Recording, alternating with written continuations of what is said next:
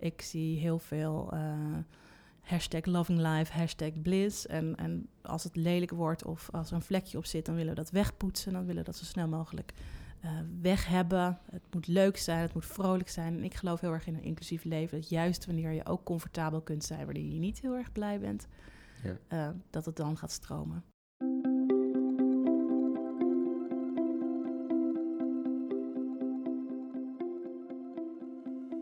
Dit is Het Groene Hart van.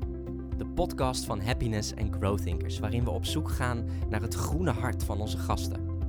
Een gesprek met de hoofdredacteur van Happiness, Evelien Helmink. Hoe duurzaam leeft ze zelf en hoe duurzaam is happiness eigenlijk? Over waarom ze een cheerleader is van een echt en inclusief leven, hoe ze een duurzame lifestyle combineert met kinderen en hoe haar kledingkast eruit ziet. Ik zit hier bij uh, Evelien op haar kantoor, hoofdredacteur hier uh, op de redactie. Evelien, hoe gaat het met je? Nou, het gaat heel goed met mij. Het is net zomer geweest, dus uh, ik ja? mag niet klagen. Life is good. Ja, hoe vond, je, hoe vond je het eerste seizoen? Je hebt, uh, ja, je hebt ze allemaal geluisterd, toch? Hoe, uh, hoe kijk je erop terug, het eerste seizoen? Want we gaan nu aan het tweede seizoen beginnen. Ik heb echt genoten van het eerste seizoen. Oké. Ja, ik voel me dan echt een luisteraar, net als iedereen. Want ik hoor ze vaak ook pas als ze af zijn en gemonteerd. Ja. En... Um, ik had steeds zin in de volgende. En ik vond ze ook niet lang genoeg duren. Het kon mij niet lang genoeg zijn. Hmm. Ook wat ik mooi vond, dat heel veel mensen die uh, te gast waren... ook wel heel kwetsbaar durfden te zijn in hun duurzame leven. Dus dat het, het voelde heel echt en daardoor vond ik heel inspirerend. En ik heb er echt uh, tips uitgehaald waar ik wat mee kon. Ja. Oké, noem er eens een paar. Ik vond Marieke Eikshout heel inspirerend. De manier waarop zij...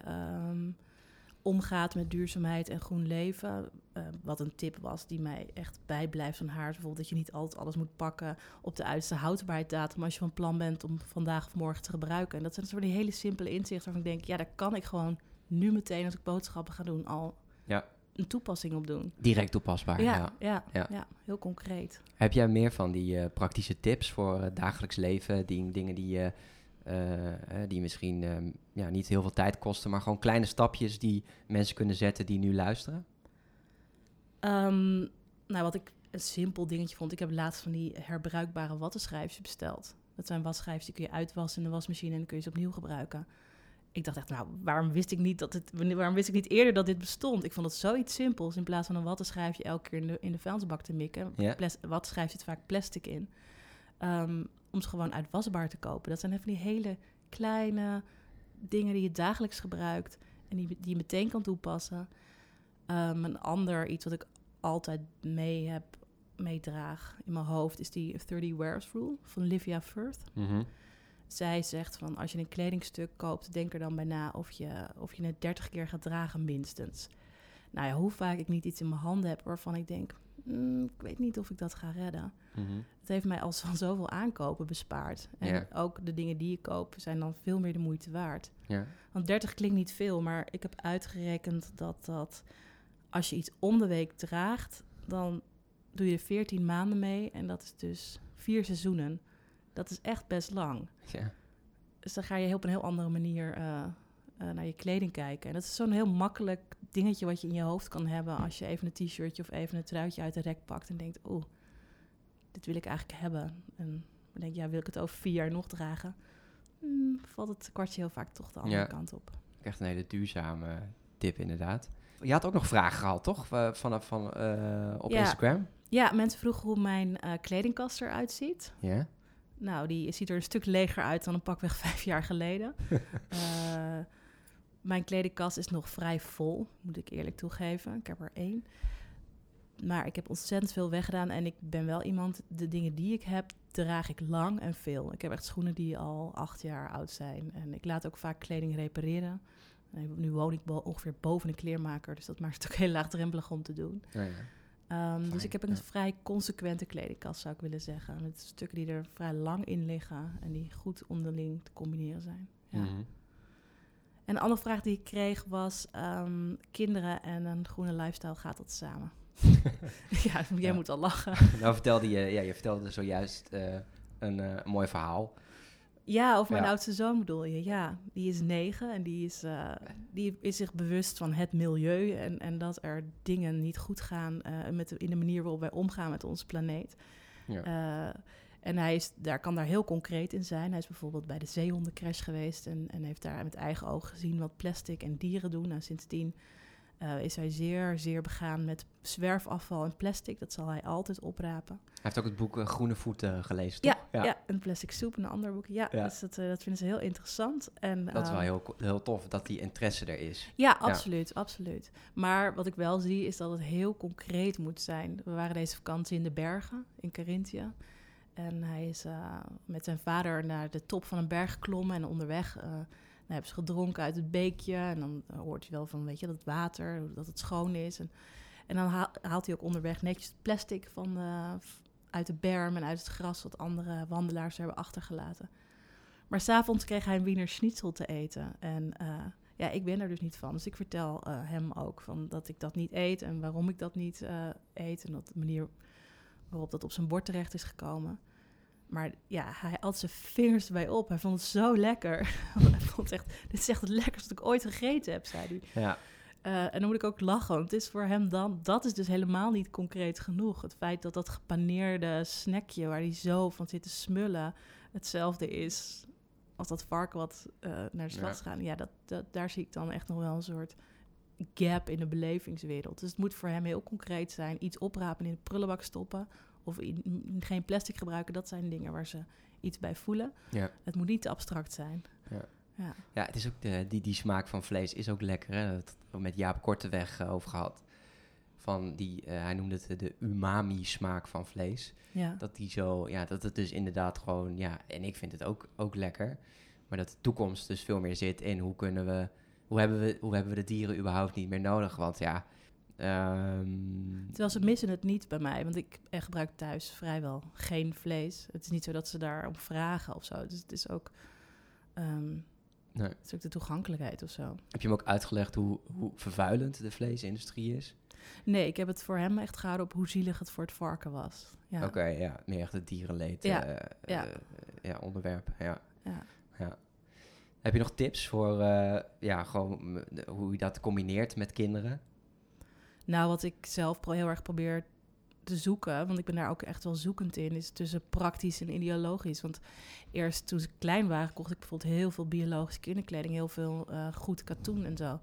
Maar de omloopsnelheid waarmee die twee eh, gasten van mij hun kleding verslijten, dat is bijna niet tegen op te kopen met Ja. duurzame kleding. Dus dat is een al heel erg grote gewetensvraag. Van ja, koop ik dan nu gewoon even bij de Zara of waar dan ook een paar broeken in, omdat ze zo snel doorheen gaan. Mhm. Dus we proberen daar echt. Ja, er wordt, je wordt elke keer uitgedaagd om daar goede keuzes in te maken. Ja. Wat ik met vri- vrienden veel doe, is kleding doorgeven en delen. Dat is een manier op, om en kleding toch herstellen, om het te Mhm. maken. Ehm, maar kinderen hebben gewoon meer impact dan de volwassenen. Dat is gewoon, dat staat Ja. buiten kijf. Ja. Hoe lang speelt dat bij jou al? eh, het groene hart? Bij mij is het heel stapsgewijs gegaan. Ik was, niet, eh, ik was wel lid van, eh, van Greenpeace vroeger. En volgens mij heb ik nog een vierkante kilometer regenwoud ergens liggen. Want daar heb ik voor stickers voor gespaard op de basisschool. Dan kon je dat kopen. Ehm, maar ik was niet een ranger puur zang. Ik was echt altijd bezig met schrijven en verhalen vertellen. Ehm, en sinds ik bij Happiness werk, zie ik dat echt wel... ehm, dat mijn interesse in duurzaamheid gelijk op is gegaan. Ook omdat eh, heel veel teachings en, en stromingen en filosofieën gaan over jezelf en je plek in de wereld. En dat, dat gaat dus met elkaar resoneren over wat er toe doet en wat er niet toe doet. Dat, dat ga je steeds scherper zien. En misschien herken je dat, want minimalisme heeft ook alles te maken met een mindset en een manier van in het leven staan. Meer nog dan alleen maar de praktische kant van minder spullen hebben. Um, als je het werk van Thich Nhat Hanh leest uh, over de aarde en over onze relatie tot de aarde, kan het niet anders dan dat je, dat je daardoor beïnvloed wordt. En um, de afgelopen jaren heeft mijn spirituele practice is absoluut verdiept door het werken bij Happiness. Omdat ik gewoon toegang heb tot, tot veel interessante uh, informatie daarover. En ik zie dat als ik terugkijk dat de maat van duurzaamheid in mijn persoonlijke leven daarmee gelijk op is gegaan. Mm-hmm. Toen ik drie jaar geleden ging verhuizen van een heel groot huis naar een appartement, uh, realiseerde ik bijvoorbeeld heel erg goed hoeveel spullen ik mee had genomen uit in mijn leven en wat die mij helemaal niet meer diende of waar ik helemaal niks mee had. En dat is zowel een, een praktisch proces, omdat je die spullen niet meer wil, als maar ook een, een, ja, een mindset, iets wat in je mind gebeurt en iets wat je, hoe je, de, hoe je spullen ervaart en de wereld om je heen ervaart. Dus dat wel, gaat wel gelijk op. We hebben toen ook heel veel weggedaan. Ik heb echt heel veel weggegeven, verkocht of uh, een klein gedeelte ervan ook wel naar de stort moeten brengen. Dus ik schrok er echt van wat je in een leven allemaal kan verzamelen wat je niet meer dient. Mm -hmm. uh, en zo, zo ja, dat, dat sluit naadloos aan op die driehoek van mijzelf, uh, happiness en duurzaamheid. Dat, daar, daar zit een relatie tussen, er zit een uitwisseling tussen. Dat kan niet anders. Ja. Zijn er, uh, dat deel je trouwens ook heel leuk op Instagram, maar zijn er op die weg ook nog mensen of boeken geschreven door mensen die je enorm hebben geïnspireerd? Documentaires?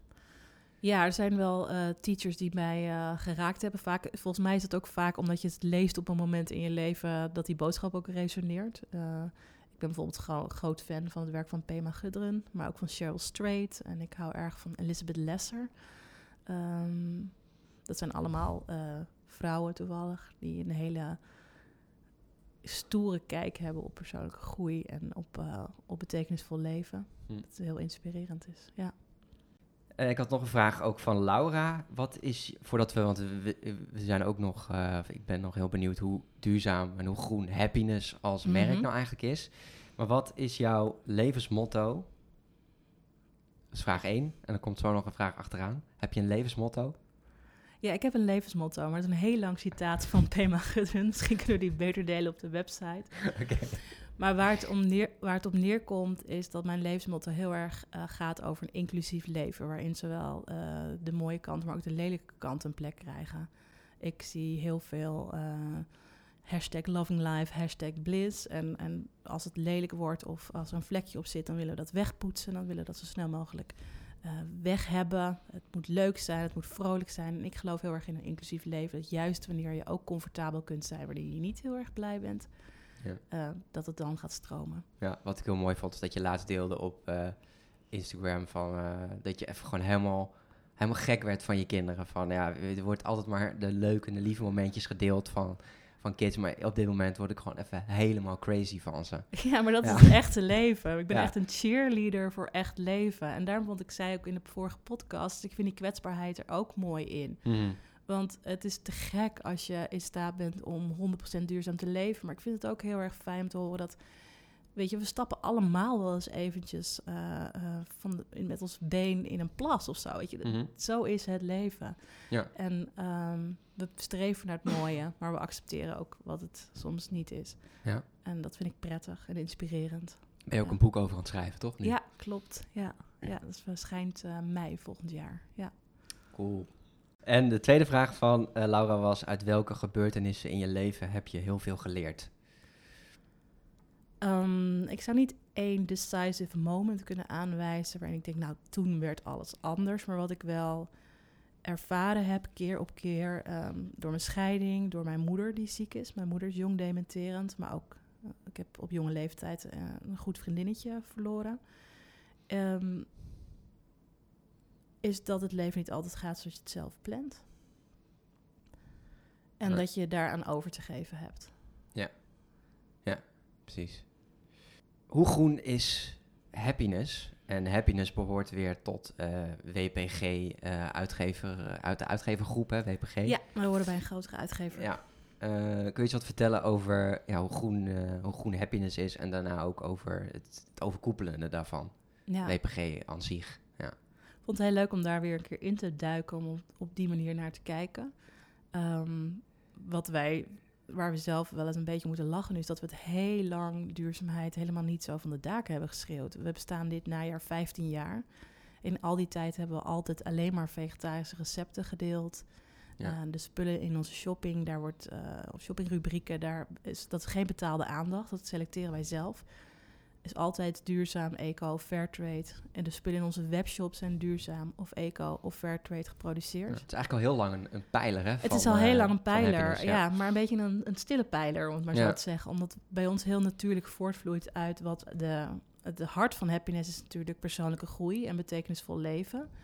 En duurzaamheid is iets wat daaruit voortkomt, uit die lifestyle. Dat moment dat je gaat verdiepen in uh, wie ben ik en wat is mijn plek in deze wereld en weet je wel, hoe, hoe zit het allemaal in elkaar, dan kan het niet anders dan dat je ook gaat nadenken over de wereld om je heen en de impact die je hebt op de wereld om je heen. Maar duurzaamheid wat dat betreft een pijler, niet, ja, niet, het, Mhm. niet de hardcore kern van waar, wat happiness uh, is. Um, dus het was leuk om te ontdekken. We hadden het er dus over naar aanleiding van deze podcast van hoe groen zijn we eigenlijk. En we herinneren ons dat het zelfs vijf jaar geleden nog heel moeilijk was om gave spullen te vinden die, uh, die mooi waren en die fijn waren. Daar moesten we echt wel heel erg goed redactie op doen. En nu stroomt het naar ons toe. Er zijn zoveel toffe initiatieven en producten. En ja, wij zien dus gewoon dat de tijdsgeest ook heel erg veranderd is daarin. Ja. En ook dat we daar zelf dus actiever naar buiten mee moeten komen. Kijk, dit, dit doen wij uh, Ja. aan duurzaamheid. Ja, Goed, daar is deze ook- podcast dan Ja, een, daar is een een onderdeel van. Ja, Eh, ja, Happiness is natuurlijk een blad, ja. eh, een magazine. Hoe doe je dat met, met eh, verpakking, papier, et cetera? Ja dat is, uh, wij gebruiken veel papier. Ik ben een keer in een drukkerij geweest waar de rollen stonden. dat is indrukwekkend. Mhm. Um, wij kopen dat in voor elk nummer zo goed mogelijk. Met, uh, dat is vaak duurder papier, maar goed, dat is de concessie die we doen. Om zo goed mogelijk de keurmerker voor het papier te krijgen. Um, wat wij bijvoorbeeld anders doen dan andere bladen, is dat wij heel zorgvuldig zijn met de retouren die we krijgen. Elk tijdschrift heeft retouren. De bladen in de winkel die niet verkocht zijn, die worden vernietigd. En dat is dan uh, gedane zaken en, uh, en, en voort. Wij uh, gebruiken die retour op een andere manier. Wij, wij, zorgen dat ze in ieder geval heel laag blijven überhaupt. Maar we verdelen ze onder ziekenhuizen of onder voedselbanken. Um, de plastic van onze seal is gemaakt van aardappelschillen. Dus dat is een herbruikbare seal. Um, dus ja, waar mogelijk zoek je naar goede alternatieven. Mm. Maar soms is het ook een beetje schipperen. Zeker omdat Happiness een heel groot tijdschrift is, hebben we niet altijd de mogelijkheid om te kiezen voor het allerbeste, omdat het ook vaak een prijskaartje aan hangt. Dus het is best wel een zoektocht. Ja. ja. Het niet perfecte van Happiness um, zou distribu distributie zijn, denk ik. We maken een internationaal nummer en die gaat naar 26 landen ter wereld. Uh, veel liever zou ik lokaal drukken en lokaal verspreiden. En dat kan niet. Nee. Nog niet. Het heeft te maken met duizend ingewikkelde dingen. Van waar je belasting betaalt tot aan invoerrechten, tot aan, uh, nou ja, noem maar op. Mm -hmm. Dat is iets, ik denk, ja, daar zouden we echt een verbeterslag kunnen maken. Want die gaat er pallets vol met papier gaan nu uh, de oceaan over. Ja. Dat is uh, jammer. Ja. ja. Het vervoer dus. Het vervoer, ja. ja. En wat, waar ben je echt trots op? Ik ben er trots op dat we um, sowieso dat we bewust nadenken over hoe we onze middelen inzetten. Bijvoorbeeld het festival. Uh, we hebben vier edities gehad. De volgende is in mei 2019. Maar we bekijken altijd wat hebben we nog liggen. Wat kunnen we hergebruiken in de styling en in wat we weten. En waar ik ook trots op ben, is dat we hele goede relaties hebben ontwikkeld met onze leveranciers. En dat we daardoor in staat zijn, juist omdat we een groot publiek hebben en een grote slagkracht kunnen hebben, om producten te ontwikkelen met materialen die anders geen bestemming hadden gekregen. En uh, we hebben bijvoorbeeld een keer van oude sarongs die in een fabriek lagen, klaar lagen om vernietigd te worden, uh, duizenden tasjes laten naaien. En die, dat was dus een one-of-a-kind product. Geen één tasje leek op elkaar. Het was maar net welke stof er beschikbaar was. Het zijn niet makkelijke dingen om weg te zetten in de markt, om het maar zo te zeggen. Omdat uh, ja, je moet het online bestellen. Je weet dan niet precies welk tasje je krijgt, et cetera. En uh, ik vind het heel tof als het dan toch lukt om uh, zo'n product te ontwikkelen wat gewoon helemaal klopt. Het is en duurzaam en het is fair trade. De mensen krijgen er een eerlijke prijs voor. En uiteindelijk werd, werden die tasjes een heel groot succes. Mm -hmm. En we vorig jaar hebben we ook sjaals laten ontwikkelen van restwol die anders door de industrie gewoon vernietigd zou worden. Het zijn waanzinnig mooie warme sjaals. Dat hebben we samen gedaan met Inti. Um, dus dat zijn leuke dingen. Juist doordat we een publiek hebben en juist omdat we kunnen, uh, kunnen schakelen met dat soort partijen, kunnen we Mhm. dingen maken die, ja, die relevant zijn. Ja. Van A tot Z. Oké. En uh, als je nu kijkt puur naar uh, jij uh, als mens, wat, wat, is nog iets wat je zou willen verbeteren op, op duurzaam vlak, waar, waarin je nog niet perfect, waarin je niet perfect, je wilt natuurlijk niet perfectie streven, maar waarin je niet perfect bent? Nou ja, ik streef wel perfectie na natuurlijk, alleen ik omarm imperfectie onderweg. Um, voor mij persoonlijk is dat, ja, dat is al vaak aan bod geweest in de, in de podcast, maar dat is vliegen. Dat is echt wel mijn, mijn, mijn guilty pleasure, om het maar zo te noemen. Ja. Eh, op alle andere vlakken, eh, qua minder spullen kopen, qua minder spullen hebben, daar heb ik de afgelopen jaren allerlei stappen in gezet. En daar ben ik, ik ben er nog niet, maar ik kan behoorlijk, eh, kan behoorlijk trots zijn, denk ik, op wat ik tot nu toe heb gedaan. Met, eh, ik gebruik bijvoorbeeld energie van een half huishouden. En da- daar ben ik trots op. Want ik woon in mijn eentje met parttime of de helft van de tijd twee kinderen erbij. Maar vliegen is gewoon, ja, dat vind ik, dat blijft een lastige. Ja. Ik was dit voorjaar twee weken in LA. En Mhm. als ik zie hoeveel energie en inspiratie ik daar heb opgedaan, dat vind ik moeilijk in te wisselen voor het feit dat ik vlieg. En ik ga over vier weken naar New York voor een week. Maar ik heb met mijn vader en met mijn broers. En mijn vaders droom is om ooit naar New York te gaan. En dat, Mhm. Ja, hij neemt ons mee. Dan ben ik niet diegene die zegt... uh, ja, maar we kunnen ook lekker in Amsterdam blijven. Nee. Ik probeer dat te compenseren door, door juist wel bewust daarover na te denken. Ik ben bijvoorbeeld dit voorjaar met mijn vier vriendinnen... gaan wij altijd een weekendje weg, eens in zoveel tijd. En waar we uh, een paar jaar geleden nog zo het vliegtuig instapten... om voor twee tientjes naar Londen te vliegen...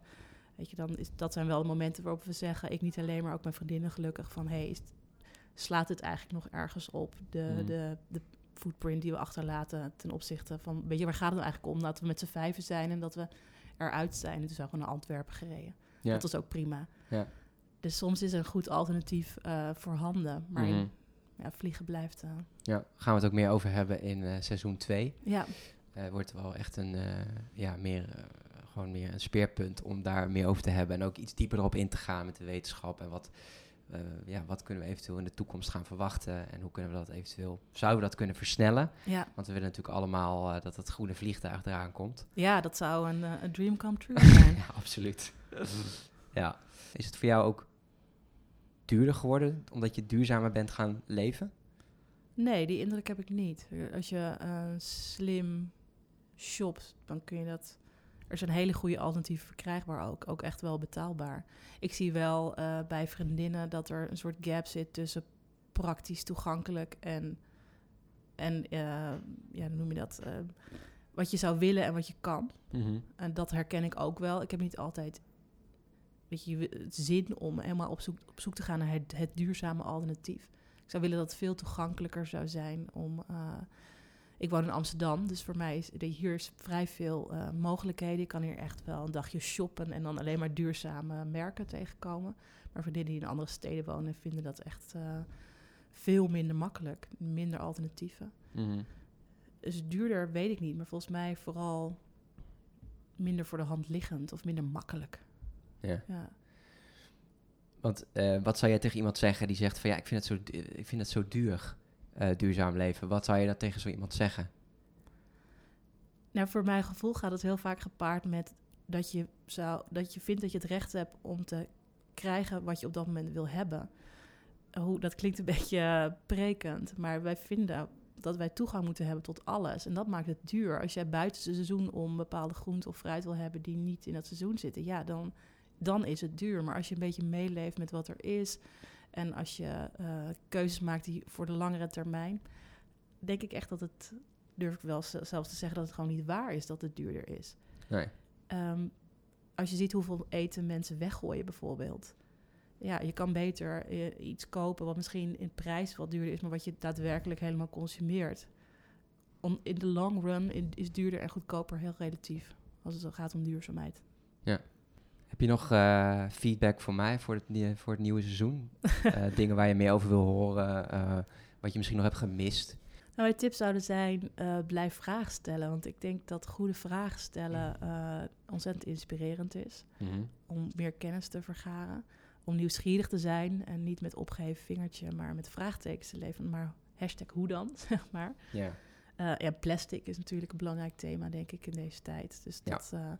Is ook interessant om het daarover te hebben. Ja, 1 september. We nemen het nu op op 28 augustus. Ik begin op 1 september begin ik met een uh, plastic dieet. Een plastic, hoe vertel, hoe ziet dat eruit? Zo min mogelijk plastic consumeren. Ja. Dus zo min mogelijk plastic in huis halen. En Ja. daardoor dus ook, uh, um, ja, ook niet weggooien. Daar ben ik heel nieuwsgierig naar, want ik word Ja. Met plastic vind ik soms ook zo moeilijk. Want ze Mhm. zeggen ze, ja, je moet die groente moet niet in plastic verpakt zijn. En dan is er weer een andere expert die zegt, jawel, jawel, dat moet wel. Want dan kan het langer in de winkel blijven. En dan, plastic is lastig. Ja, daarover dus eh, later meer. En eh, ja, een spannende, spannende challenge. Ja, zeker. Nog speciale mensen, speciale gasten die je, eh, die je nog wenst? Misschien is het wel leuk om, een, om in deze podcast een, een oproep te doen aan mensen om eh, een review eh, te schrijven op, op de, de podcast, op Ja, iTunes. die lezen we allemaal. Dus dat is Ja. onwijs leuk. Doe Ja, dat. precies. Want het, twe- het tweede seizoen gaat nu beginnen. Dus als je nu luistert, schrijf een review op eh, iTunes. En zet daar ook bij wie jij nog graag in, in het Groene Hart zou willen horen. Ja. Want dat vinden wij ook ja, interessant om, om te weten van wie kunnen we nog vragen. Zijn er nog speciale mensen waar jij nog op hoopt in de toekomst? Ja, ik wil internationaal gaan. Ambities. Ja. Ja, nee, het zou gek zijn. Nee, ik moet eerlijk zeggen dat juist ook de mensen die ik, waar- die ik niet zo heel goed kende... of wie het werk niet me niet eh, nog heel veel i- tot me was gekomen... ook heel inspirerend waren. Dat vind ik altijd lastig. Ik, het zijn soms juist ook de mensen die je nog niet zo goed kent... die je zomaar enorm kunnen inspireren. Mhm. Ja. Nou, ik wil heel graag nog Jesse Klaver eh, tegenover me hebben. Ja. Dus als je luistert en je kent hem, Jesse wil zich melden bij de Groene Hartbalie. Precies. Jesse heeft een volle agenda, heb ik eh, te horen gekregen. Maar eh, ik hoop dat hij tijd kan maken voor het Groene Hart. Want ik ja, ben heel benieuwd naar hoe, hij, hoe duurzaam hij leeft. Ja. Want hij zich natuurlijk zakelijk er actief voor inzet. Maar hoe, hoe zit het bij hem privé? Interessante man ook vindt. Gaan we in seizoen 2 gaan we daarop letten. Ik heb er heel veel zin in. Bedankt Evelien dat je, ja, dat je hier meer wilde vertellen over eh, de brand happiness, maar ook over jouw leven. Is nog iets wat we vergeten zijn over eh, het groene hart van happiness als bedrijf en misschien wel als WPG? Want eh, WPG is natuurlijk het overkoepelende. Zitten daar nog verbeterpunten of juist dingen waar je trots op bent? Nee, ik denk dat, we al, dat er zeker nog wel voorbij... Ik ben trots op wat ik zei, dat we al heel veel maatregelen... We zitten bijvoorbeeld in een, in een gebouw wat energie, echt laag energieverbruik heeft. Er zijn al heel veel stappen gezet. Maar eh, we zijn er nog lang niet. Dus ik hoop dat we gewoon mee blijven evolueren met de, met de wereld in, op, dit, eh, op dit gebied. Ja. Ik heb niet het gevoel dat wij nu al de, de spanwijk, eh, spanwijdte hebben bereikt op duurzaamheidsgebied. Nee. Nog veel in te ontdekken, Ja. onderzoeken, Ja. eh, stappen in te maken. Wat wij als happiness eh, goed kunnen doen. Wij zijn verhalenvertellers. En wij eh, vertellen de verhalen van duurzame mensen. En ik hoop dat we op die manier ook een hele belangrijke rol kunnen hebben. Door mensen te inspireren en een podium te geven. Nou, laten we dan eindigen met nog leuke. eh, wat zijn nog leuke dingen die er nog aankomen wat betreft happiness voor de toekomst? Ja, we zijn nu druk bezig met het Happiness Festival. Dat gaat in mei 2019 weer plaatsvinden. En daar word ik nu al heel vrolijk Ja, van. ik heb ook veel zin in. Ja, we gaan eh, ook op het gebied van duurzaamheid echt een paar hele grote stappen zetten. Misschien wel een live podcast op het Live festival. podcasten zou te gek zijn. Maar ook daar leren we weer allerlei nieuwe dingen. Bijvoorbeeld dat over de, we willen nu geen muntjes meer hebben. Over die plastic, al die plastic muntjes en zo. En, eh, het is super leuk om ermee bezig te zijn en daar goede keuzes in te maken. Dus eh, Oké, ja. ja, ik hoop iedereen daar te ontmoeten. Ja. Ja. Tot op het festival. Ja. Bedankt. Alsjeblieft. Dit was het Groene Hart van Evelien Helmink. Ben je benieuwd naar alle links van dingen die we hebben besproken in de podcast? Ga dan naar happiness.nl slash het groene hart. Happiness.nl met een z slash het groene hart. In dit nieuwe seizoen gaan we jouw review voorlezen in de podcast. Laat ons weten naar wiens groene hart jij nog wil luisteren in de toekomst en waar je graag nog meer over wil horen. Dan hoor je jouw review binnenkort misschien wel terug in een nieuwe aflevering.